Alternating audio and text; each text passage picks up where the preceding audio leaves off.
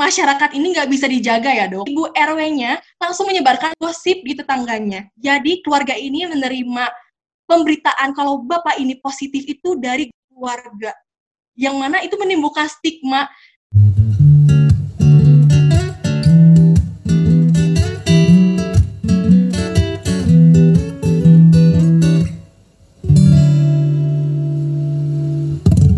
Relatif Perspektif Podcast adalah podcast yang bertujuan menjadi jembatan agar masyarakat luas paham akan isu kesehatan. Visi kami supaya kesehatan tidak lagi eksklusif hanya dibicarakan mereka yang menggeluti profesi sebagai tenaga medis saja. Episode baru akan terbit setiap hari Minggu. Temukan kita lebih jauh di Instagram at relatif.perspektif. Perkenalkan, saya Dr. Syala Putri Sundawa, klinisi dan pemerhati isu kesehatan masyarakat yang akan memandu jalannya podcast ini. Dengarkan sampai selesai karena di setiap akhir episode ada rekomendasi film dan buku dari kami.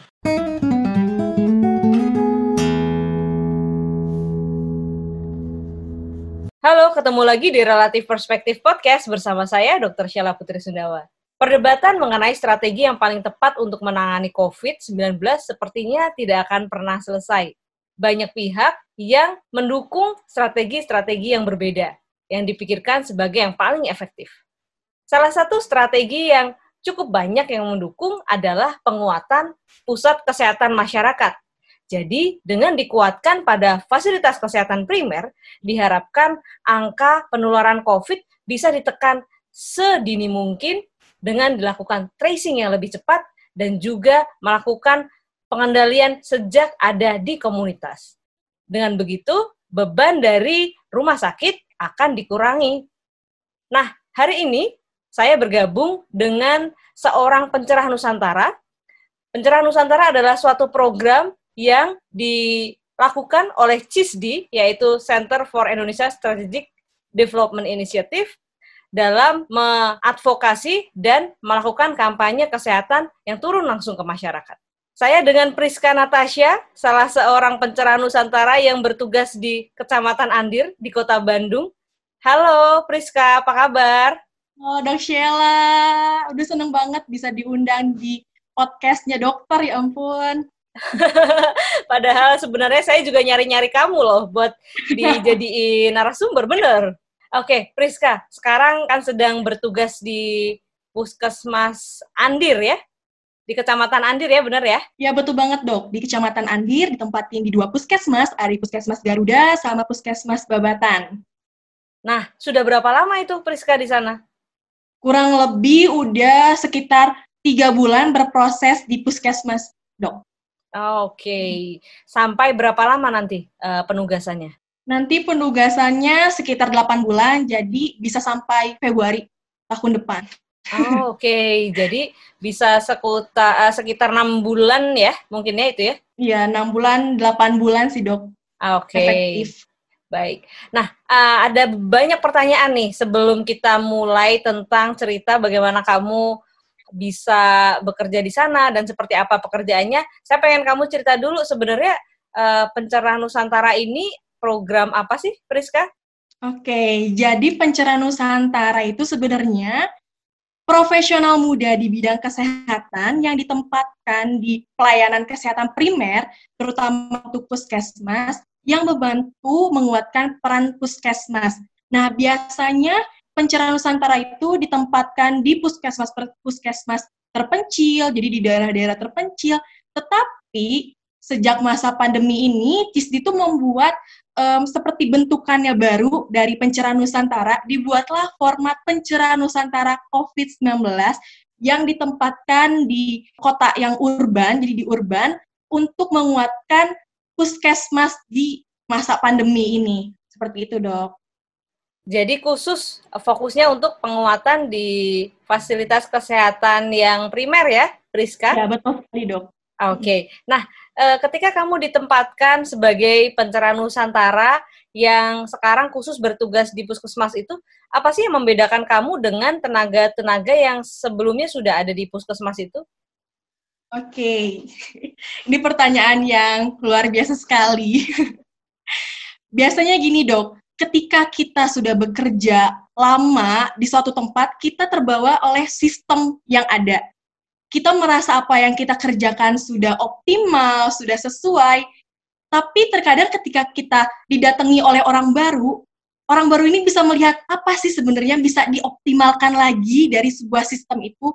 Nah, sama seperti pencara Nusantara, kita datang ke masing-masing puskesmas, melihat apa lagi yang bisa kita optimalkan.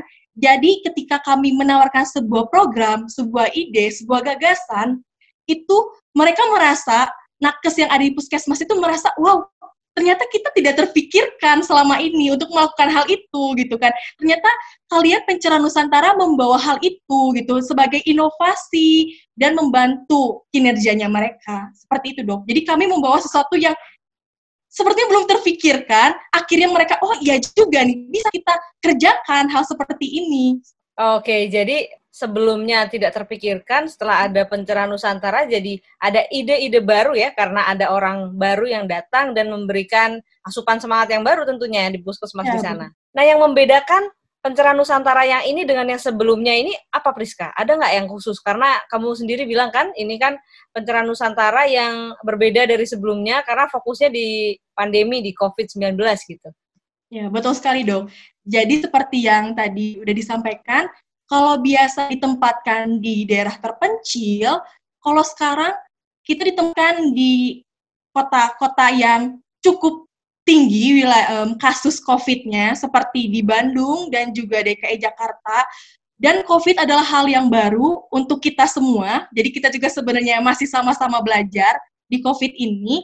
Nah, ketika kita dibentuk menjadi um, pencerahan Nusantara COVID-19, itu adalah hal yang baru gitu karena sebelumnya tidak ada COVID, sekarang ada COVID dan dibentuklah pencerahan Nusantara COVID-19 yang tugasnya juga um, berbeda gitu dok. Jadi untuk yang pencerahan Nusantara COVID-19 ini kita punya lima uh, fokus utama yang dikerjakan mulai dari training, teaching, tracing, treat, dan juga ada testing seperti itu dok. Jadi untuk yang training training itu kita uh, melatih tenaga nakes puskesmas. Karena jadi ketika kita datang ke masing-masing puskesmas kita lihat nih nakes itu membutuhkan apa gitu kan? Karena tadi ini adalah sesuatu yang baru untuk kita semua gitu. Jadi kita mengidentifikasi apa yang dibutuhkan oleh puskesmas. Misalnya mereka butuh pelatihan surveillance tentang COVID ataupun butuh pelatihan tentang kontak tracing ataupun dalam bidang promosi kesehatannya mereka butuh loh buat pelatihan perubahan perilaku ataupun komunikasi resiko seperti itu. Kemudian T yang kedua ada teaching. Bagaimana kita mengedukasi masyarakat kita melalui jadi kita sekarang sedang membangun sebuah sistem dong di masyarakat kita. Jadi sebenarnya apa sih yang membuat COVID tidak hmm, tidak selesai-selesai gitu karena mungkin yang kami lihat ataupun aku sendiri lihat gitu pemerintah punya program sendiri atau puskesmas punya program sendiri, lintas sektornya punya program sendiri, masyarakatnya juga punya kegiatan sendiri, semuanya pingin punya kegiatan sendiri gitu kan. Terus apa sinkronisasinya gitu? Itulah yang perlu disinkronisasikan gitu kan. Ketika semuanya bisa disinkronisasikan gitu kan, berjalan dengan baik gitu kan, pasti gitu permasalahan COVID juga bisa lebih cepat lagi untuk diselesaikan.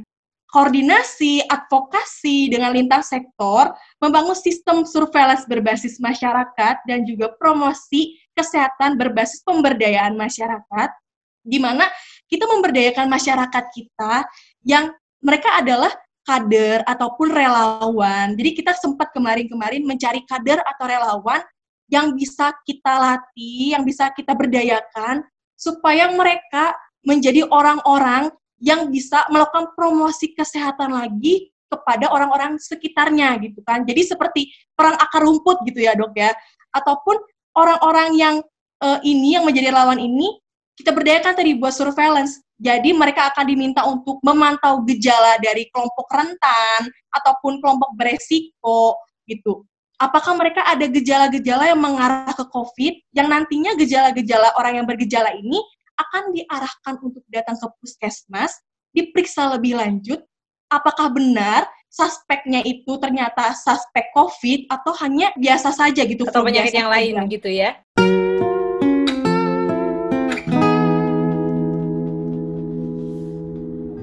Aku tanya sedikit, Priska. Tadi kamu sebut bahwa kamu surveillance-nya itu berdasarkan surveillance yang berbasis ke masyarakat gitu ya. Jadi uh, promosi pun itu masyarakat. Nah, masyarakat siapa yang kamu rekrut ini? Uh, mereka itu apakah tenaga kesehatan yang sudah bekerja di puskesmas, ataukah dia adalah pemuka agama atau pemimpin di daerah tersebut? Nah, sebenarnya siapa nih yang jadi uh, teman kamu buat teman seperjuangan kamu buat ini apa namanya uh, melakukan uh, pencerahan untuk ke masyarakat dan menggapai masyarakat-masyarakat yang tadi uh, sedang uh, masih banyak berbeda-beda mungkin pendapat atau tentang opini terhadap COVID ini. Oke, okay. karena sebagaimana kita tahu dok, di um, wilayah sekarang tuh atau keadaan sekarang tuh masyarakat kita tuh masih banyak sekali masalah tentang perkovitan, tentang stigma mm. ataupun mm.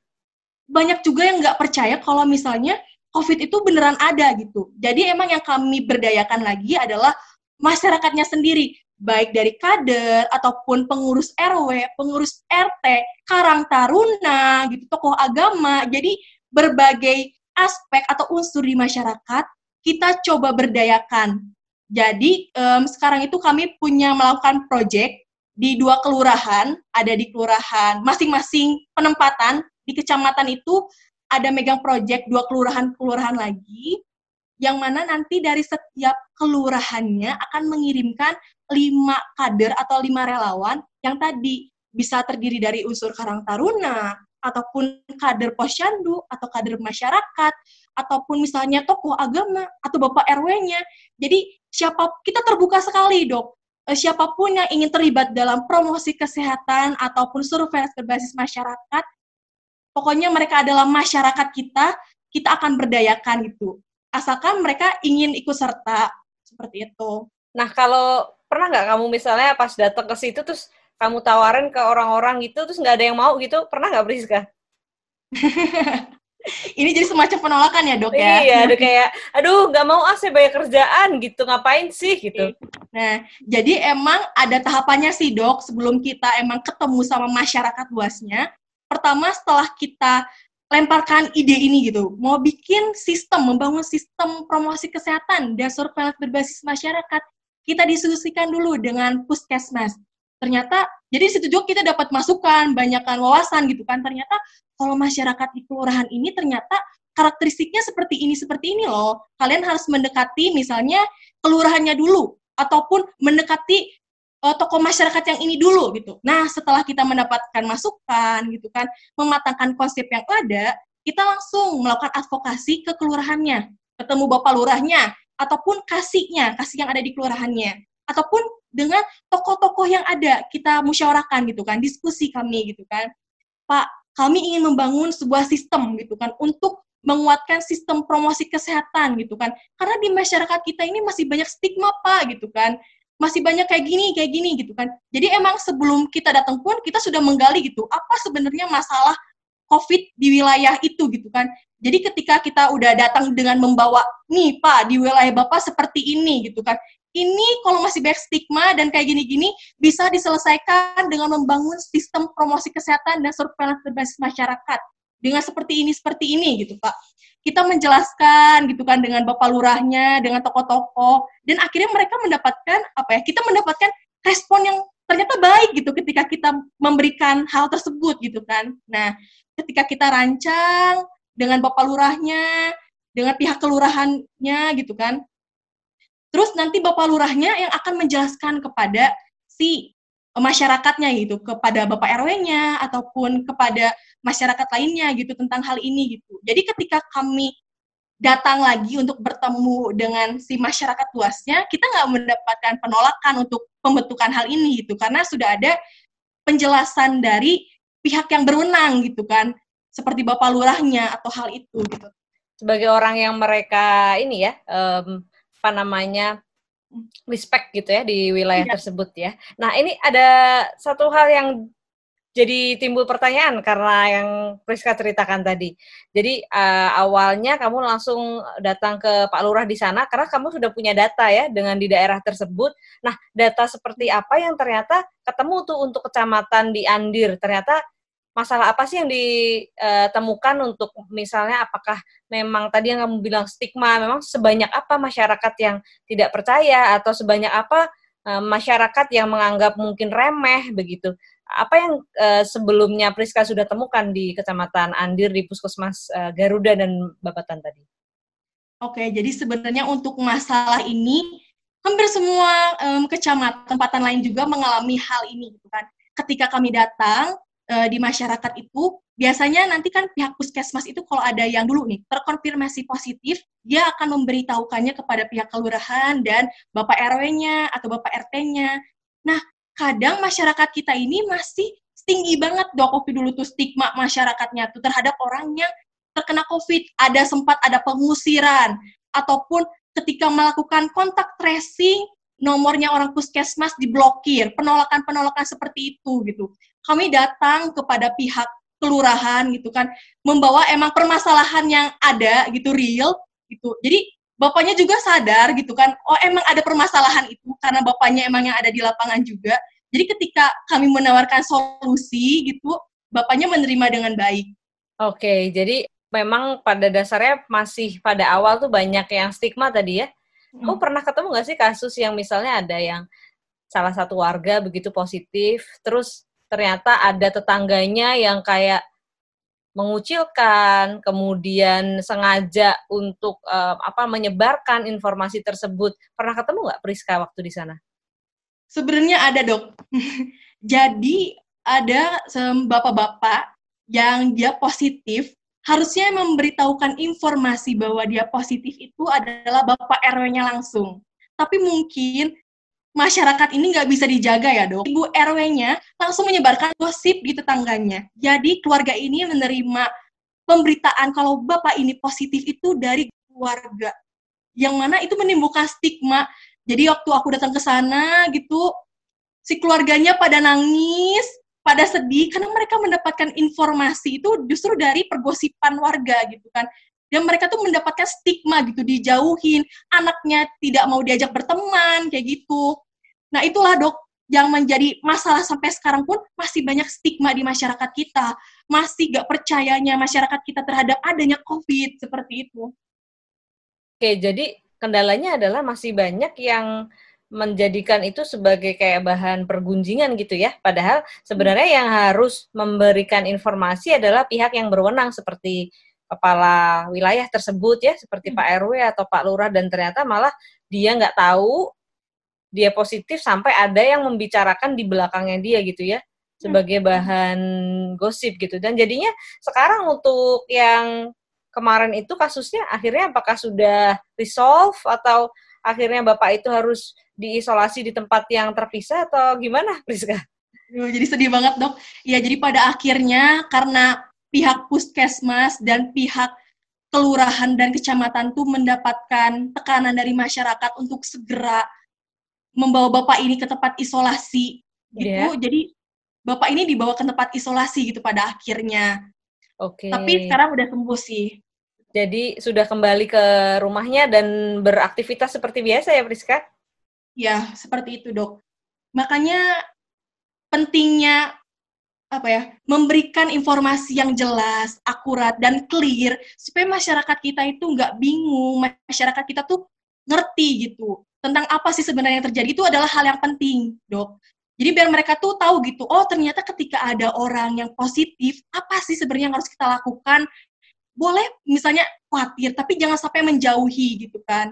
Boleh melakukan kayak aduh gitu kan ada yang ini tapi kita nggak boleh menjauhi gitu kan. Nah masyarakat kita tuh perlu dibekali hal itu. Apa yang harus dilakukan masyarakat gitu kan? Apa yang harus dilakukan oleh individu di sekitarnya ketika ternyata ada orang yang positif gitu. Nah itu hal-hal yang ternyata harusnya penting dibekali gitu makanya dalam kegiatan promosi kesehatan ini kita akan mencoba membangun atmosfer yang baru kita buat orang-orang di sekitar itu mulai dari relawannya dulu nanti dia akan menyebarkan luas informasi yang tepat di masyarakat gitu biar masyarakat kita itu mendapatkan informasi yang akurat, yang tepat gitu. Gak cemas, gak panik. Dia tahu apa yang harus lakuin gitu kan.